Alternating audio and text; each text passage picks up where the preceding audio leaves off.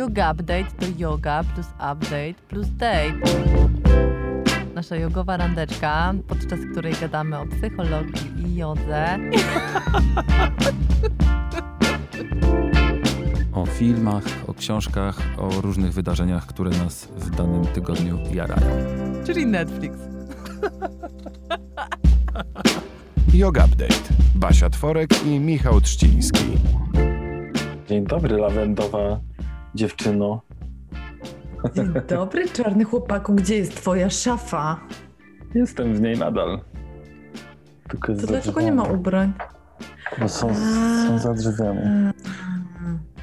Kolejne, że tak powiem, kolejna mała zmiana. Może kiedyś dojdę do to- perfekcji. Może kiedyś po prostu patrz, będę miał teraz- swoje domowe studio. Masz teraz dwie pary drzwi, które możesz zagospodarować. Możesz na przykład na nich osiem gwiazdek przykleić. To na pewno mógłbym też, widzisz, tego to nie widać w kadrze, ale mógłbym na przykład ten oto ym, kalendarz przywiesić sobie. O my Widzicie? god, dostałeś kalendarz od Asi Bartosik, jak super! Jeszcze raz Ale bardzo ekstra. dziękuję. E, Asiu, Polecam. pozdrawiamy cię. Ja też mam, Mam tu takie miejsce, i, na razie odłożę. Ja też mam swój i pokolorowałam słoniowi dupę na fioletowo, temu styczniowemu słoniowi, ale Rysiu też u mnie jest jeszcze niepokolorowany. Kurczę, no ja też mam tutaj zestaw kredek Redek, do kolorowego detoksu jakie głowy pro. Yy, i sobie czasami koloruję różne rzeczy i też to chyba zrobię. Dobra, to ogłaszam y, między nami dwojgiem konkurs na pokolorowanie lutowego rysia. Wyzwanie. Lutowy ryś. Jaka Tak ładna. w kalendarzu Asi Bartosik. Lutowy ryś. No dobrze, to przyjmuję wyzwanie e, w ramach jakiejś terapii albo coś.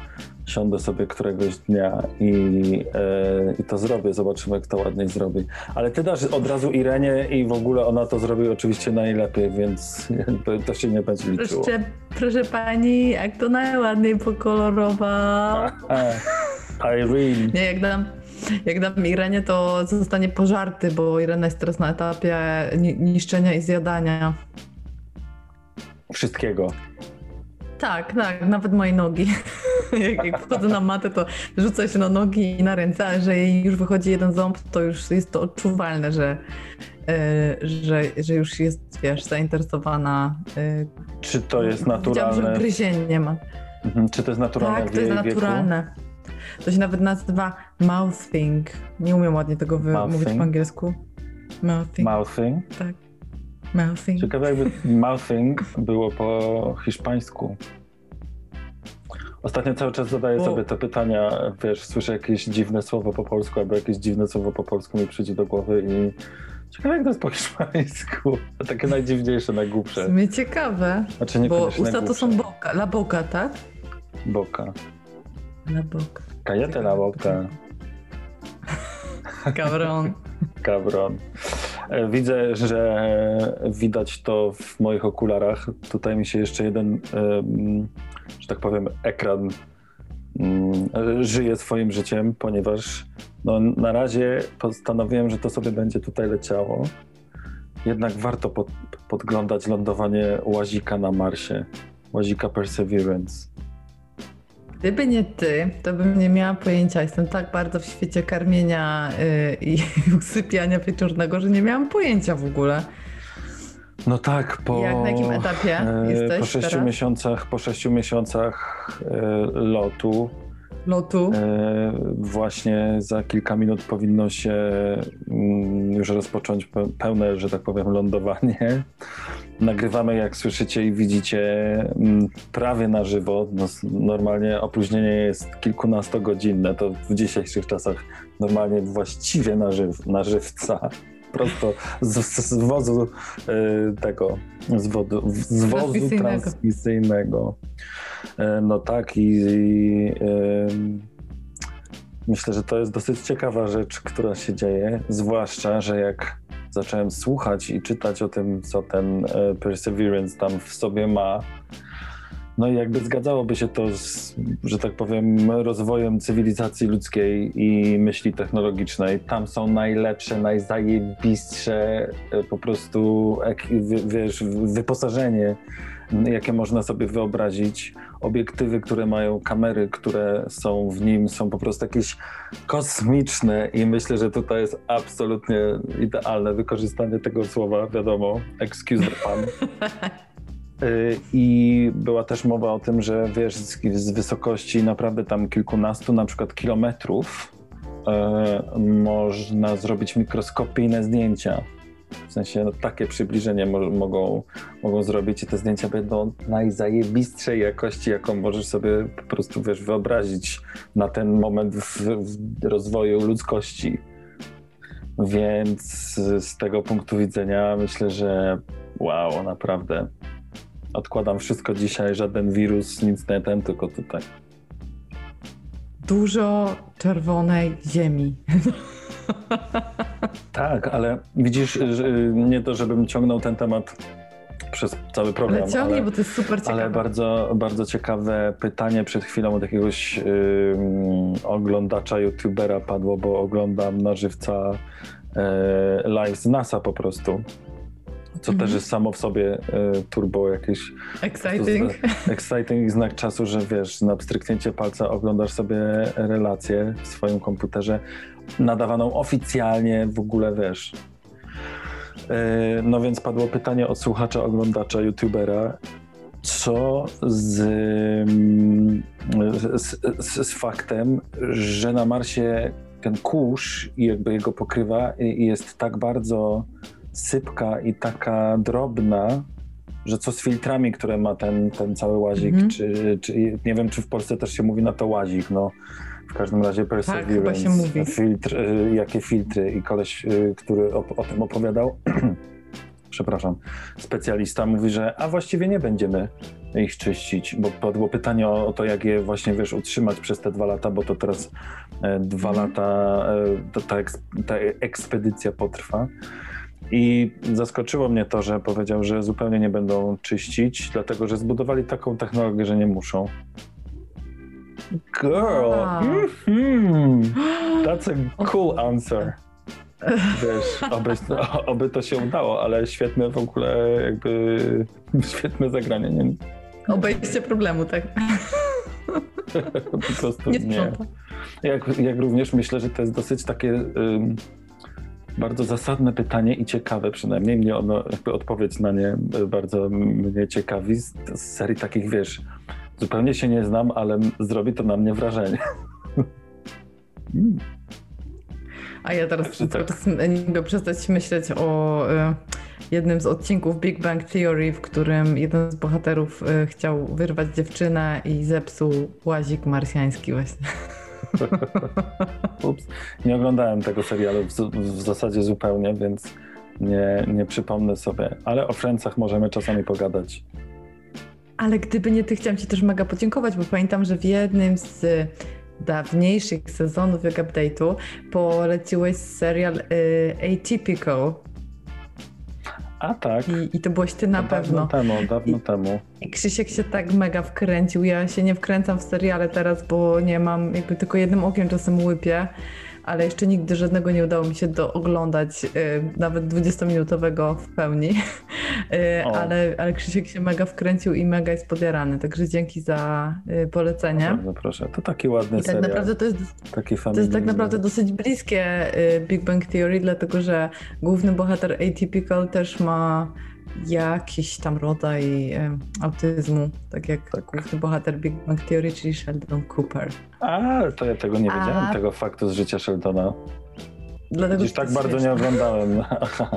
tak zupełnie nie oglądałem, więc, więc to być może dlatego. Większość żartów się zasadza właśnie na tym, że on nie ja, że jest nieempatyczny na przykład. E, ale czekaj, powiedz mi, powiedz mi, czy no, naprawdę warto czasem. A powiedz mi, czy yy, w takim razie yy, Mars jest dzisiaj Twoim zachwytem? Czy masz jeszcze coś w zanadrzu? Mam coś kalendarza jeszcze, Asi Bartosiek. E, mam coś jeszcze w zanadrzu. E, właściwie dwie rzeczy.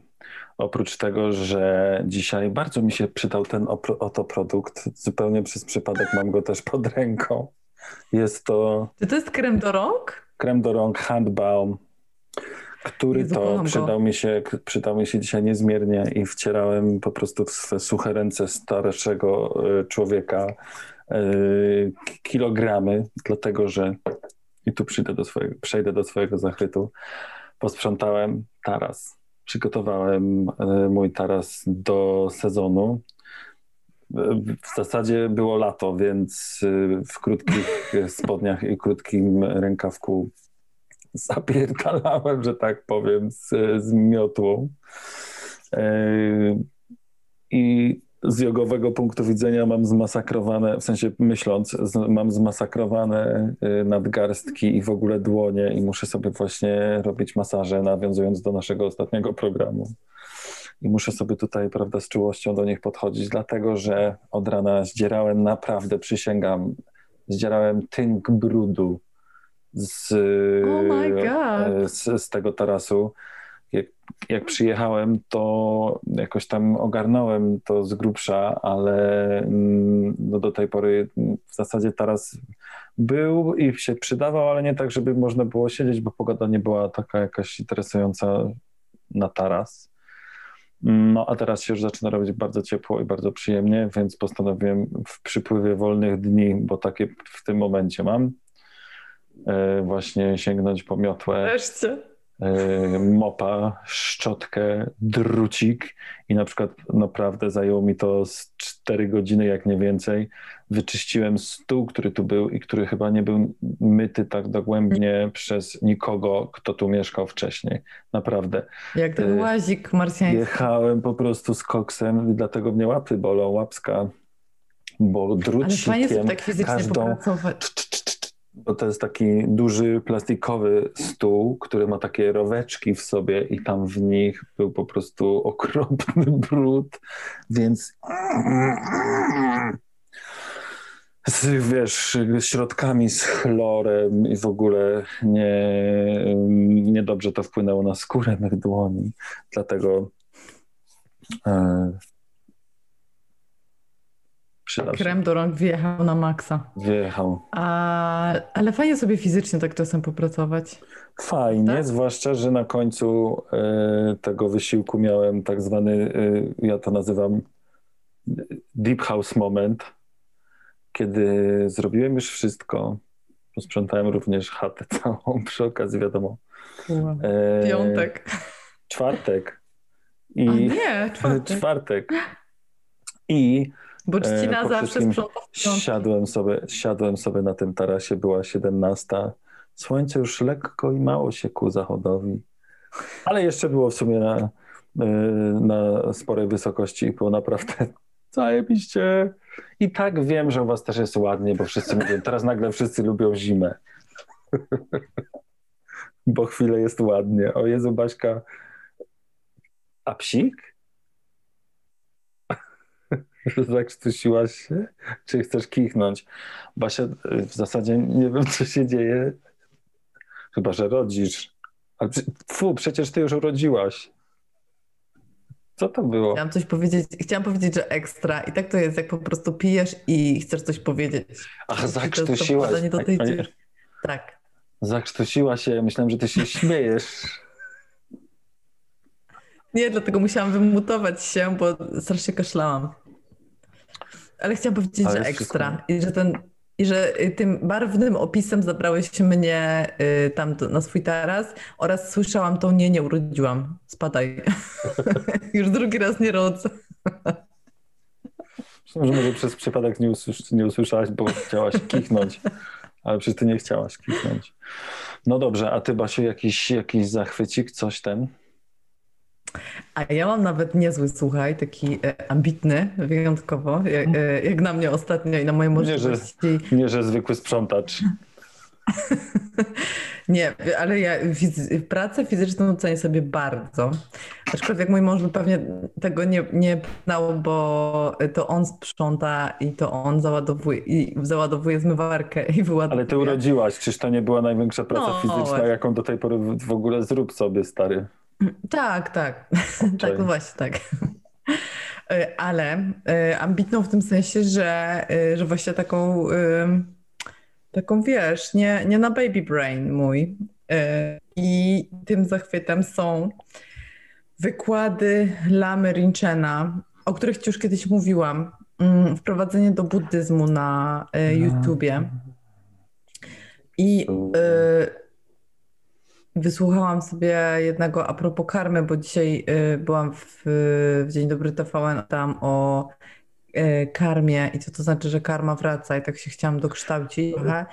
I zaczęłam mhm. słuchać Lamerinczyna i jest tak ekstra, po prostu tak super. Oczywiście to jest, wiesz, to jest trudny język, to nie jest łatwo podane, ale y, ten wywód jest taki składny, trzyma się kupy mimo wielu dygresji bardzo ładnie Lamarinczyn mówi i ja w sumie jakby za wiele o buddyzmie nie wiedziałam, mimo że mój mąż jest y, buddą, a teraz to mi się tak, wiesz, fajnie składa w jedną całość. Oczywiście się nie ze wszystkim zgadzam, nie wszystko mi pasuje, ale, mhm, mhm, mhm. mm, ale bardzo dużo y, refleksji mam po drodze i bardzo fajne to Więc polecam zarówno Tobie, Majki, jak i naszym słuchaczom, którzy by się chcieli dokształcić e, odnośnie buddyzmu.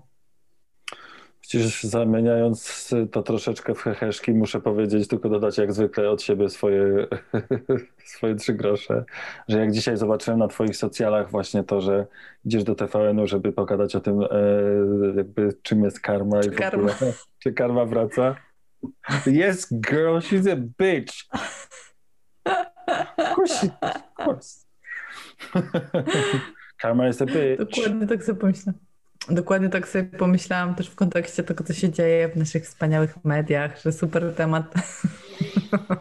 Mm, no tak. Ale ty się tym nie przejmujesz, bo ty nie mieszkasz w Polsce.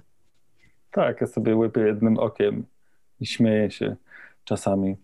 Ale dzisiaj nie będzie jakoś super do śmiechu chyba w drugiej, e, w drugiej części dzisiejszego yoga update'u, bo przejdźmy już może e, przynajmniej tak e, ogólnie przybliżając to, co za chwilę będzie tutaj omawiane. I czy mi się wydaje, czy to ciuteńkę zahacza o jakiś taki mikro hardcore, żeby tak powiedzieć bardzo, bardzo, bardzo łagodnie?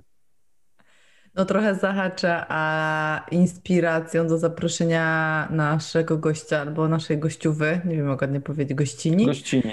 E, naszej gościni były tak naprawdę Wasze pytania, które zadaliście y, w zeszłym tygodniu, kiedy gościliśmy Anetę Giczewską i, i rozmawialiśmy o dotyku, o jej książce Fenomen dotyku. I wymyśliliśmy z Trzciną wtedy taką formułę, która nam się bardzo wspaniale sprawdziła, czyli po prostu oddaliśmy głos Wam i zrobiliśmy konkurs na, y, na pytania yy, odnośnie, odnośnie właśnie dotyku, odnośnie tej książki.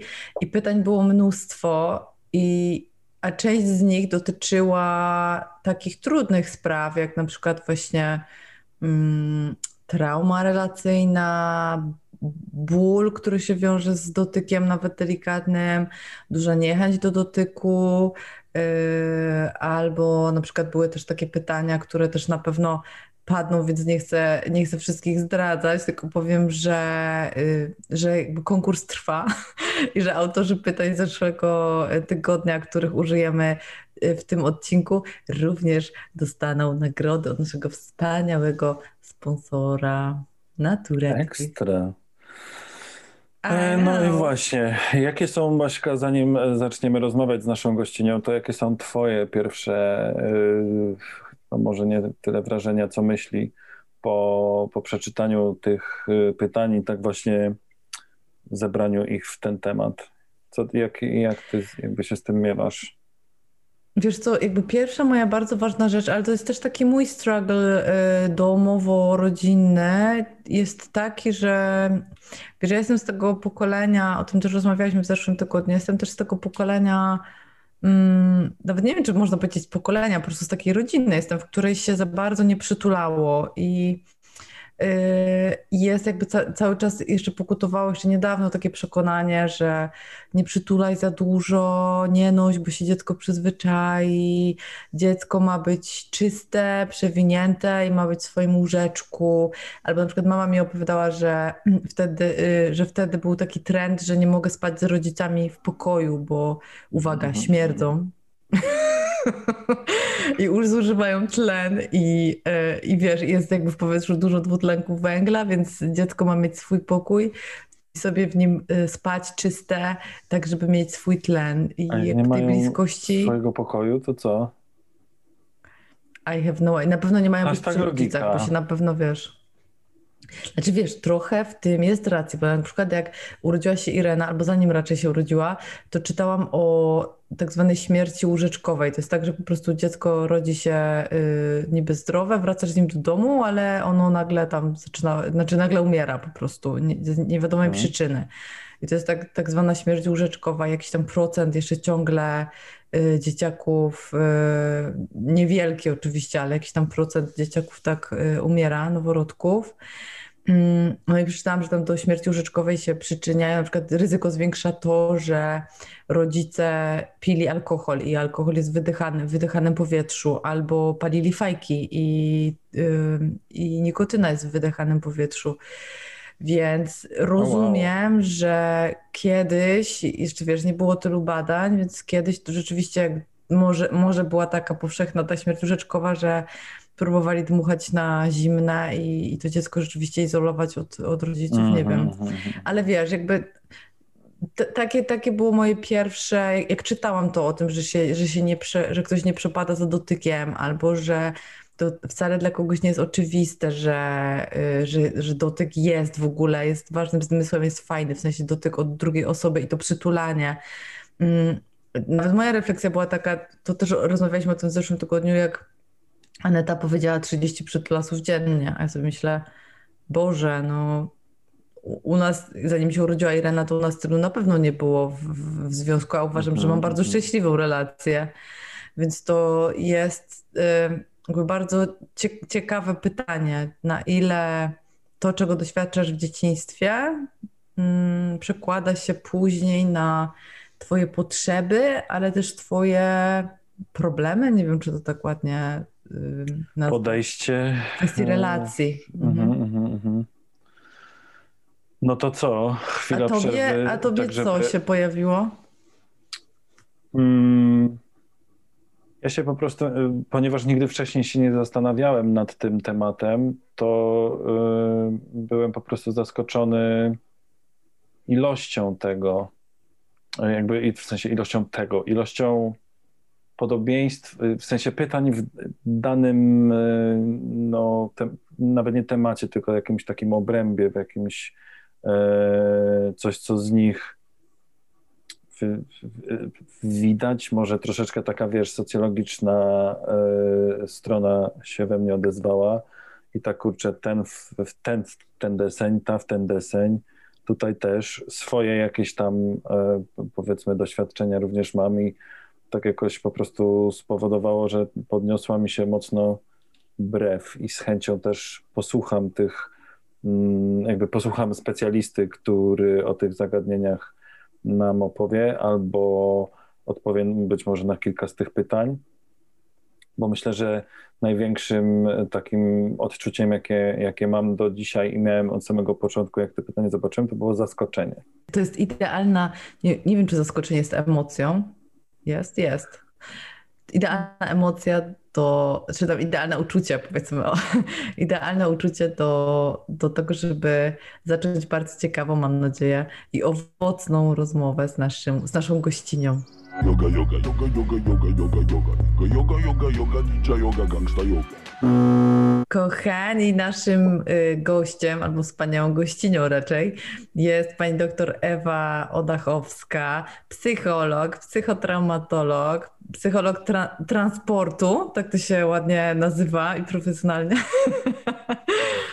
Y, Wykładowca uniwersytecki i terapeutka. I ogromnie się cieszymy, że zechciała Pani dzisiaj się tutaj z nami wieczorową porą zobaczyć i nagrać. Mm, również mi jest miło. Basiu, możesz mi mówić na ty bezproblemowo, naprawdę. nic się nie dzieje. My się z Basią znamy już trochę, więc e, tak. Ale to jest mega, e, mega dla mnie e, ogromnie dużo znaczy, dlatego że pani doktor jest moją idolką ogromną. Jak to było? Jestem twoim, jestem twoim idolem. Dokładnie. Albo jesteś moim fanem. Super, bardzo, bardzo, bardzo mi miło.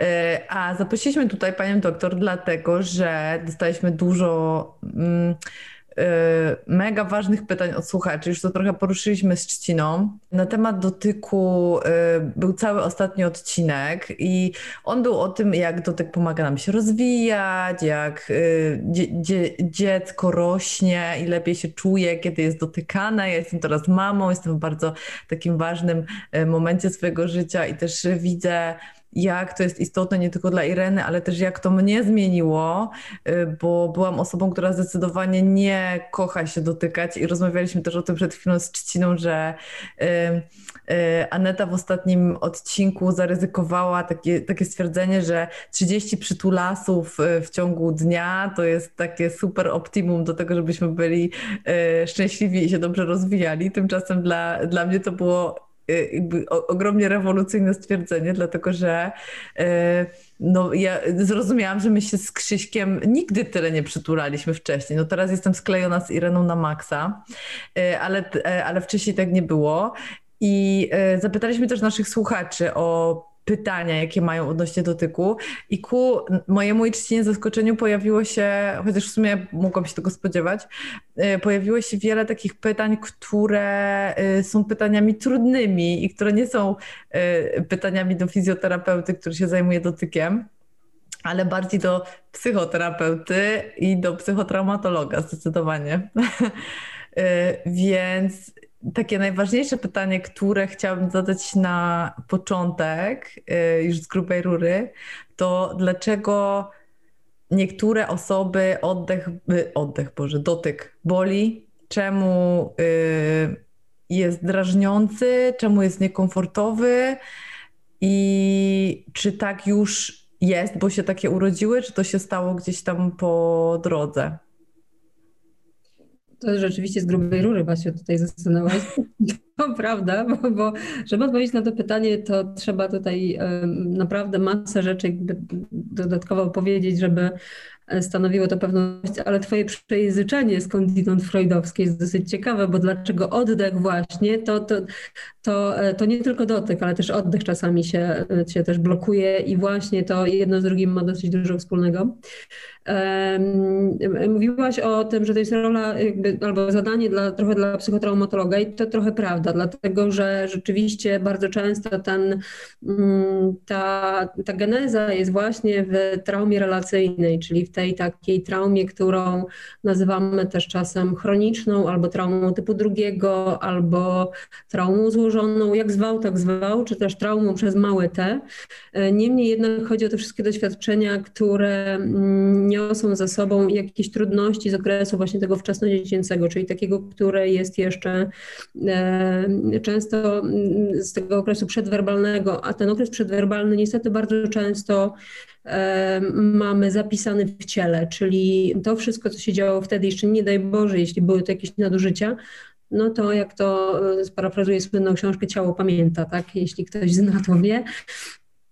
E, natomiast e, rzeczywiście e, to, to jest jeden z elementów. Ja tutaj abstrahuję od kwestii integracji sensorycznej, która no jest pojęciem dosyć kontrowersyjnym nadal i, i są zwolennicy i są absolutni przeciwnicy tego, tego, tego konstruktu teoretycznego. Mm, ja bardziej szukam rzeczywiście przyczyn w doświadczeniach, jeśli chodzi o nasz, e, o nasz dotyk. Oczywiście wrażliwość sensoryczna to jest też jedno, jakby tutaj chociażby w niektórych testach też to badamy, ale ona dotyczy raczej takich, takiej pamięci sensomotorycznej troszeczkę innego rodzaju. Natomiast tu, jeśli mówimy o tej kwestii dotyczącej tego, czy kogoś dotyk boli, czy ktoś jakby nie lubi tego dotyku albo bliskości, to genezy tego należy rzeczywiście szukać często w tych okresach wczesnodziecięcych, czyli w tych okresach takich, gdzie ten dotyk e, dziecko zaczynało kojarzyć jako coś, co jest dobre, fajne, bezpieczne, czy też jako coś, co jest wręcz niefajne, e, lekko mówiąc, tak? Bo jeszcze gorzej, kiedy po prostu boli. A to Mm. jest niezbyt fajny początek. Tutaj mówimy o, o tym, że dziecko kojarzy dotyk. A y, czy kiedy to tego dotyku w ogóle nie było, albo było go bardzo, bardzo, bardzo mało? Bo y, to, to też rozmawialiśmy, zanim e, pani doktor się tutaj pojawiła, to rozmawialiśmy też o tym, że y, ja się niedawno od mamy dowiedziałam, że byłam, mm, że, że był wtedy taki trend, żeby dziecko spało zupełnie osobno w swoim pokoju, w swoim łóżeczku, żeby nie spało z rodzicami. Wiem, że do dzisiaj też sobie o tym myślę, jak oglądałam ostatnio nawet jakieś tam, podejmowałam próby raczej oglądania seriali, bo, bo przy dziecku to nie jest takie łatwe, E, ale w tych amerykańskich notorycznie w wielu serialach, chyba dopiero teraz to zaczynam tak naprawdę zauważyć, jest to dla mnie bolesne, e, jak się y, podejmuje regularnie próby tego takiego odzwyczajenia dziecka od tego, żeby płakało w nocy, żeby ono się przyzwyczaiło, że nikt nie przyjdzie, kiedy, kiedy płacze. I nie, na mnie od razu spływa totalny dyskomfort, coś we mnie krzyczy, je, je, totalna bez, po prostu bezradność tego dziecka i łamanie, łamanie go na początku, bo ono przecież ma tylko dotyk i właściwie to jest jedyny zmysł, który na początku mm, y, jakby jest bodźcem do przeżycia, bo, bo, bo znamy te eksperymenty y, odnoszące się do ssaków, które nie były dotykane, to jakby nie miały bodźca do życia, więc y, umierały. Albo nie rozwijały się w najlepszym razie, nie rozwijały się tak jak y, należy. Więc co, jeżeli tego dotyku prawie nie ma, albo czy jeżeli go bra tak brakuje, ale tak, tak, tak kwest brakuje, jeżeli te, ta deprywacja jest cały czas. To, to, o czym mówisz, to dotyka takiego, y, takiej kwestii, która się nazywa, jakby, no pewnie też jakby wi- wielu z, słuchaczy y, dokładnie wie, że trochę sięgamy tutaj do teorii przywiązania, czyli do, do wzorców przywiązania. Mm, I gdybyśmy tak to mogli zobrazować, to y, można rozpatrzeć trzy, no w zasadzie już w tej chwili cztery sytuacje, e, ale rozpoczynając tak naprawdę od samego początku. Bo dziecko, gdy się rodzi, ma w repertuarze przetrwanie tak naprawdę tylko odruch ssania i wokalizację. W zasadzie nic więcej. Gdybyśmy zostawili to dziecko po prostu od tak sobie, to ono po prostu by nie przeżyło, no bo przecież samo się nie nakarmi, samo się jakby nie zaopatrzy w te podstawowe, e, podstawowe elementy niezbędne do życia. W związku z tym jest całkowicie skazany na to, czy dorosły będzie responsywny, czy dorosły będzie dawał mu to poczucie bezpieczeństwa, czy też nie. E, I to właśnie, kiedy dajemy dziecku pewne stałości, czyli jakby karmimy je w określonych porach, kładziemy je w określonych porach, to daje dziecku takie poczucie, że ten świat jest bezpieczny i przewidywalny.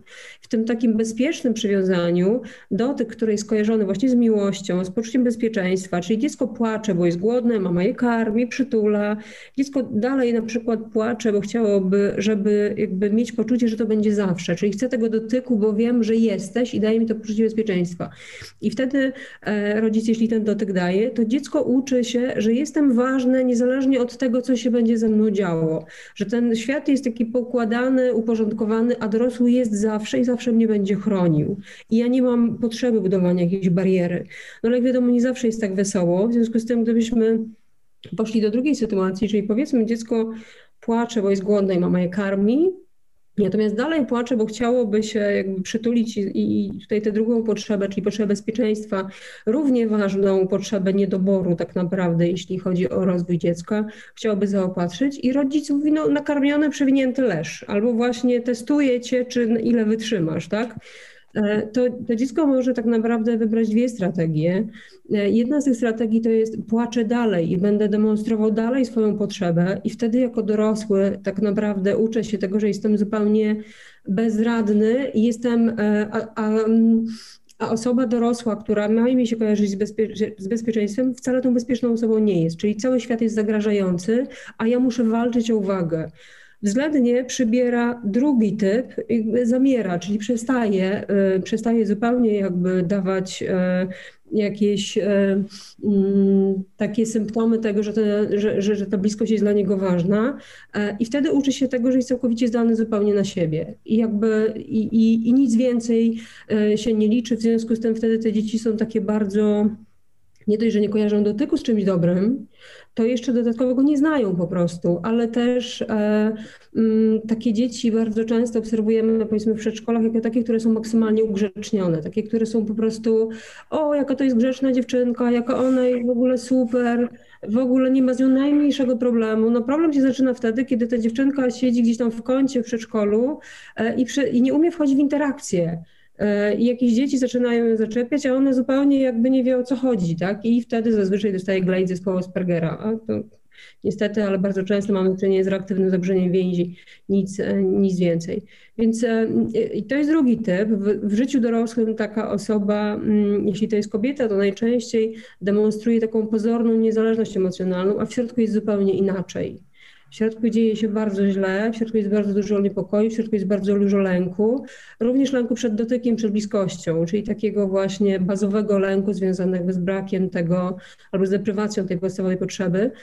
Czasami też e, ten unikowo-lękowy, bo o tym stylu więzi teraz mówię, e, styl powstaje wtedy, kiedy mamy nadmiernie kontrolującego rodzica, czyli takiego, który po prostu bardzo mocno przekracza granice dziecka. I to też jest ten, element. Natomiast trzeci styl, idąc od e, takiej badaczki jak Ainsworth, czyli bezpośrednio od Bolbiego niemalże, to trzeci styl więzi to jest ten styl, gdzie rodzic jest z kolei zupełnie nieprzewidywalny, czyli taki, kiedy e, nie daje dziecku poczucia, że to, co ono robi, ma jakąś konsekwencję. Czyli jeśli jestem jakby adekwatnie się zachowuje tak, jak tego oczekujesz, to wtedy jest to wzmacniane. Dziecko wtedy uczy się walczyć o uwagę w jakikolwiek sposób i zazwyczaj przekracza granicę, bo widzi, że wtedy ma uwagę, nieważne jaką, ważne, że jakakolwiek jest. Mm, ten styl przywiązania jest lękowo ambiwalentny, to znaczy, że tam emocje bardzo często są na skraju i te emocje są na skraju na tyle, że w życiu dorosłym bardzo często to jest przekraczanie granic, łącznie z przemocą fizyczną, czyli tutaj ten dotyk, o którym mówimy, to już jest też przemoc. E, ale mamy też wzorzec e, przywiązania zdezorganizowany, gdzie w ogóle mamy do czynienia z sytuacją, kiedy dziecko wychowuje się w środowisku patologicznym i wtedy e, no, y, raczej mm, wychodzimy z takiego założenia, że no, kto przetrwa, kat czy ofiara? No, często kat, w związku z tym lepiej się zaopatrzyć w pancerz, e, i wtedy jestem, jestem zupełnie jakby nietykalny. Względnie lepiej jest pierwszy przypuścić atak, wtedy też jestem w razie czego bezpieczny. Z tego ambiwalentnego stylu więzi E, jeśli wychodzimy, to najczęściej e, jest to w związku, w relacji cała masa szantaży emocjonalnych. To jest, bo jak nie, to odejdę albo przytul mnie, czyli naprzemiennie to jest taka próba intensyfikacji e, emocji, dlatego że brak emocji wywołuje bardzo silny niepokój, jakichkolwiek, tak? Czyli e, z chwilą, kiedy jest za mała bliskość, za mały kontakt pomiędzy, z, pomiędzy osobami w relacji, to wtedy dochodzi do aktywizacji behawioralnego stylu przywiązania i niestety często do epizodu przemocowego, czyli intensyfikacji stanów emocjonalnych. Ale z jakiego powodu my w ogóle przybieramy takie postawy, z jakiego powodu w ogóle tutaj z tym dotykiem i, i, i z całym ciałem jest, e, jest problem. E, my możemy się tutaj uciekać też do tej e, takiej bardzo prostej koncepcji, która mówi, która jest w zasadzie wszystkim też znana, że mamy w repertuarze reagowania takie trzy wzorce, jak walcz, uciekaj bądź zamroź się. No i teraz jeśli dany wzorzec będzie u dziecka bardzo mocno przeważał, czyli dziecko będzie zmuszane do tego, żeby powiedzmy reagować z tego najbardziej prymitywnego ośrodka mózgowego, jakim jest mózg gadzi, czyli właśnie zamrożenia, ponieważ dwie poprzednie reakcje nie były możliwe w tym momencie, to zamrożenie w ciele i brak czucia poszczególnych części ciała to jest jakby zupełnie, zupełnie normalna, normalna rzecz. Natomiast tutaj, jeśli to są traumy z tego okresu przedwerbalnego, to one są rzeczywiście w tym ciele zapisane dosyć mocno i w terapii to widać, nawet w postawie ciała, nawet w, bardzo często w takich psychosomatycznych e, wątkach, które pacjenci też mają. Ja myślę, że mam pytanie. Tak, mam pytanie od e, słuchaczki ponieważ podglądam sobie tutaj, mam na drugim ekranie kilka wyświetlonych i myślę, że jedno y, dotyczy się właśnie e, tego, o czym pani teraz mówiła, natomiast y, jakby dotyczy się jednej konkretnej rzeczy.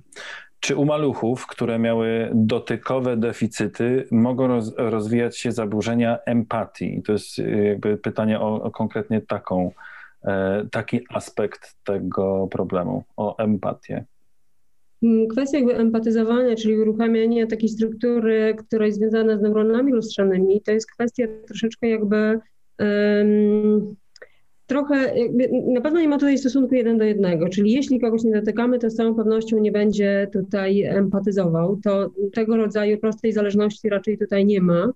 E, natomiast zwykle, kiedy ktoś jest niedotykany, to towarzyszą temu też inne różnego rodzaju wątki, typu jeśli nie jesteś dotykany, znaczy, że jesteś przez to nieważny, tak? A jeśli jesteś nieważny, no to zdarza się, że i ten repertuar emocjonalny wygląda zupełnie inaczej niż w sytuacji, kiedy mamy do czynienia z tym zrównoważonym rozwojem. Więc jakkolwiek nie ma prostej zależności, tak te pewne elementy, które są współwystępujące, mogą ważyć na tym, że rzeczywiście tutaj e, te, to empatyzowanie może wyglądać troszeczkę inaczej w sytuacji, kiedy mamy do czynienia z, z emocjonalnością taką bardziej zrównoważoną.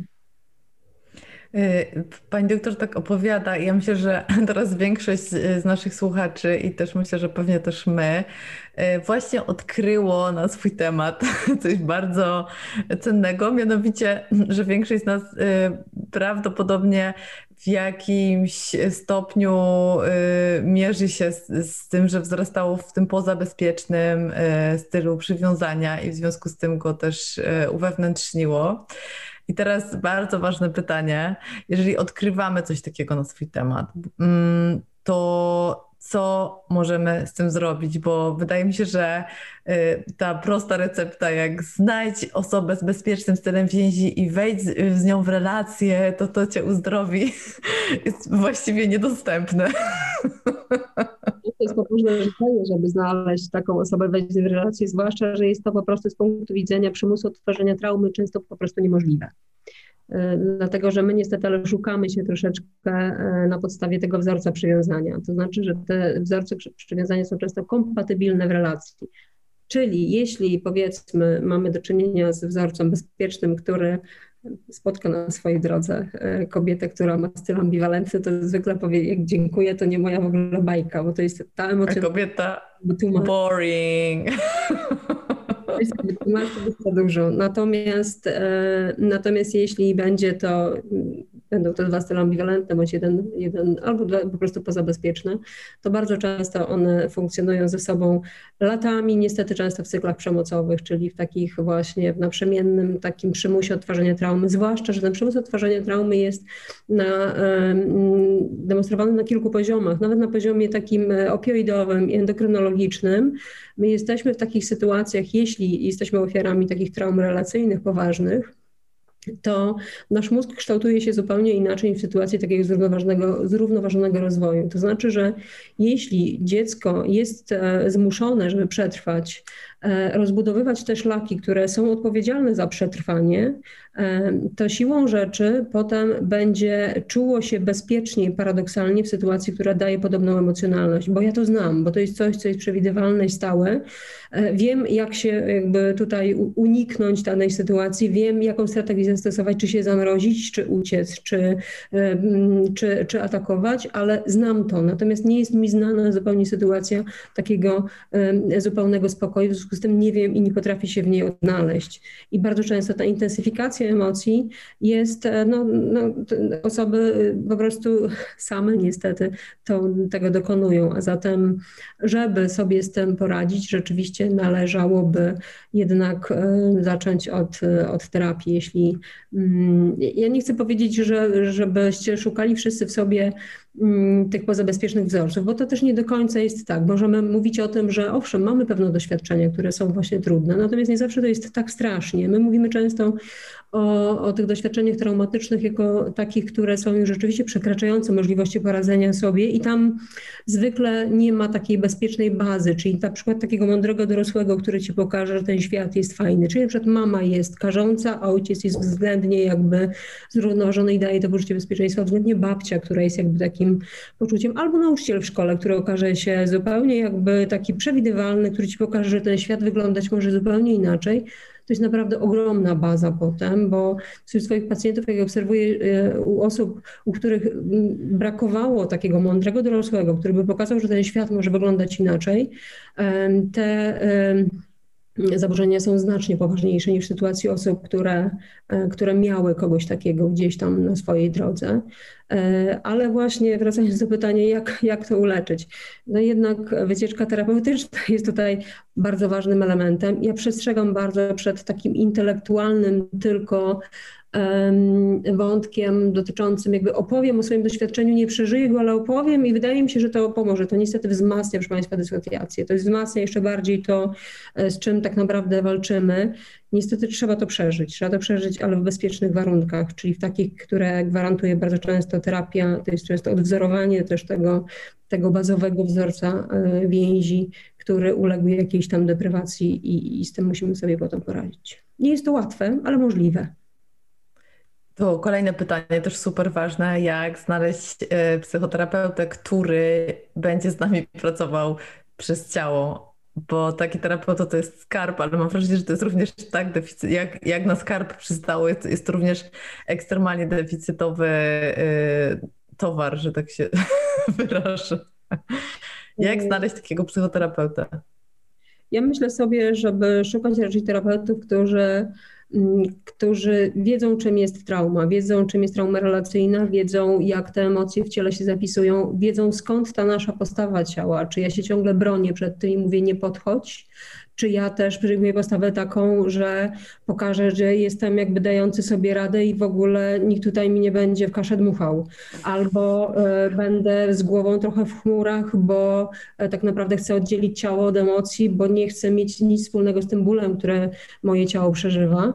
E, więc wiedza e, na temat tego, jak trauma jest kodowana w ośrodkowym układzie nerwowym, jak ona aktywizuje autonomiczny układ e, nerwowy do tego, żeby działać w jakiś sposób, jakie ona skutki wywiera w postaci zaburzeń typu desnos, czyli te zaburzenia po stresie traumatycznym gdzie indziej niesklasyfikowane, czyli te wszystkie traumy złożone, więc w tym kierunku raczej szukajmy, czyli szukajmy naj, najlepiej psychotraumatologa, no mogę, mogę powiedzieć ze swojej jakby działki, bo rzeczywiście jest to naprawdę istotny element, żeby wiedzieć jaka jest ta patogeneza tego, tego właśnie, że ja nie mam poczucia części ciała albo mam jakieś poczucie, że, że, że mam kłopot z oddechem, że nie jestem w stanie wyciszyć się, bo, bo nic dziwnego, jeśli mamy do czynienia z sytuacją, kiedy dziecko uczy się że tak naprawdę musi rozpoznawać wszelkie sygnały zagrożenia, czyli rozpoznawać minę ojca, która ma świadczyć o tym, czy zaraz będzie awantura, czy minę matki, że zaraz trzeba będzie się chronić, czy kroki ojca, który wraca pod wpływem alkoholu po,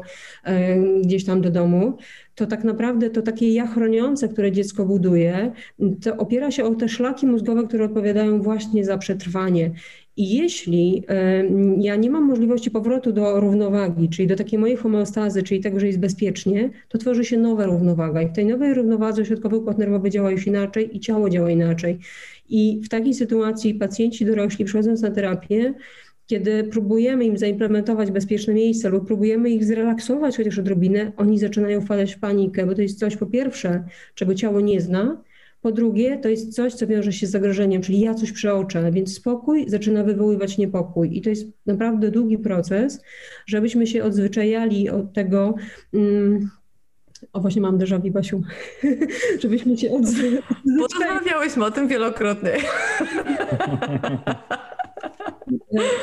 żebyśmy się właśnie e, jakby nauczyli tego, że spokój może być całkiem fajny, nie? Że, że, że, że to jest coś, co, co, czego warto się nauczyć, e, ale to jest praca u podstaw, naprawdę taka praca z ciałem, praca, praca z oddechem, praca, praca na doświadczeniach także, czyli no, czasami e, trzeba zanurzyć się w to doświadczenie, żeby ono przestało tak boleć. Ja znowu na podstawie e, pytań od słuchaczy chciałbym jakby tak, takie pytanie zwrotne, że tak powiem, zadać ponieważ jest tu, i myślę, że to właśnie się tego mniej więcej tyczy, mm, czy można przytulanie polubić? I teraz ja bym chciał to też troszeczkę od siebie e, rozwinąć. Rozmawiamy o takich przypadkach, które są już dosyć e, no, bardziej poważne, które ewidentnie muszą być, e, że tak powiem, rozgryzane albo rozpracowywane na terapii. A czy są takie przypadki i jakby je w sobie na przykład zidentyfikować, że jeszcze nie musimy iść na terapię, ale ewidentnie coś jest nie tak, jakoś nie, niekoniecznie wygodnie się z tym czuję i czy ja sam mogę coś z tym zrobić. Czy to jest też być może efekt jakichś, jakichś kulturowych y, błędów czy narzuceń na daną jednostkę wcześniej, czy, y, czy innymi słowy i prostszymi, czy możemy sobie sami w niektórych case'ach poradzić? Mm, no tak. E, e, znaczy, ja nie jestem zwolenniczką jak wysyłania wszystkich na terapię, nie. I też nie jestem zwolenniczką nadmiernego psychologizowania i rozkminiania wszystkiego. I też często tego i studentów i pacjentów oduczam. E, natomiast są takie sytuacje, w których rzeczywiście jakby jeśli widzimy, że nasze starania jakby ciągle spędzają na niczym, ciągle jakby jest ta sama uwaga od osoby bliskiej, że, że coś jest nie tak, że, że, że mi brakuje, a tobie, a, a tobie jakby, a ty mi tego nie dajesz, to przede wszystkim jakby no, chyba warto porozmawiać z tąże osobą, bo może ta, której brakuje, jest z kolei jakby za intensywnie jej brakuje, bo ona z kolei myli bliskość z wchłonięciem. Więc to też jakby są rzeczy, które dosyć e, e, ważne e, są do rozpatrzenia, chociażby nie wiem, no też w terapii systemowej, tak, można sobie tutaj na temat komunikatów jakby w środowisku rodzinnym popracować, ale czy to jest kontekst kulturowy? Ja mam wrażenie, że jakby kontekst także socjalizacyjny, to znaczy, że no, to, to stare powiedzenie chłopaki nie płaczą, czyli nie okazują słabości emocji, to, to, to pokutuje nawet do dziś i e, nic dziwnego, że jeśli się słyszy od okresu wczesnodziecięcego, że e, bądź twardy i tak dalej e, i, i nie płacz, nie okazuje emocji, no to potem w życiu dorosłym taka osoba na, py na pytanie, dlaczego ty się nie przytulasz albo dlaczego nie powiesz mi o swoich emocjach, nie bardzo wie, co my w ogóle ogóle do niej mówimy, tak? Bo i, i to nie musi być efekt dotyczący jakby żadnych doświadczeń traumatycznych, ale tego po prostu procesu socjalizacyjnego, gdzie no, ten repertuar emocjonalny był dosyć wąski, tak? Taki zwykle to są osoby, które, które mm, patrząc na ten słownik emocjonalny, no poza złością, smutkiem i radością, to niewiele więcej jakby znają, tak? E, no i wtedy, mm, wtedy uczymy też rozbudowy tego, tego słownika emocjonalnego, jeśli oczywiście jest taka sytuacja, że, że, e, że nie da rady, tak, zrobić to, tego samemu. Natomiast jeśli da się, jeśli e, macie wsparcie w relacjach, jeśli macie wsparcie tak w sobie i potraficie rozmawiać o tym, to już jest naprawdę bardzo duży, duży mm, jakiś taki background do tego, że może sobie próbować radzić. Tak? No, E, nikt nic lepszego nie wymyślił w relacji jak rozmowa, jeśli chodzi o kwestię dotyczącą jakby tego, e, co się w relacji dzieje, bo, bo kwestia bliskości jest naprawdę bardzo istotna, natomiast nie każdemu kojarzy się bliskość z poczuciem bezpieczeństwa i to też trzeba pamiętać. Bardzo ważne.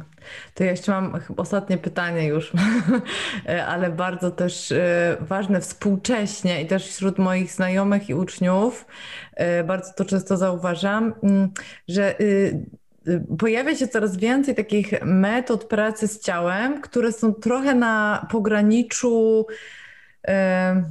chciałabym powiedzieć psychoterapii, ale powiedziałabym raczej wtórnej traum, jakby ryzyka wtórnej traumatyzacji, czyli to są takie metody, taka, y, y, ćwiczenia lowenowskie na przykład, tre, y, nie wiem, jakieś tam, nie wiem, pewnie jeszcze jest wiele, ale akurat teraz mi nie przychodzi żadna na myśl.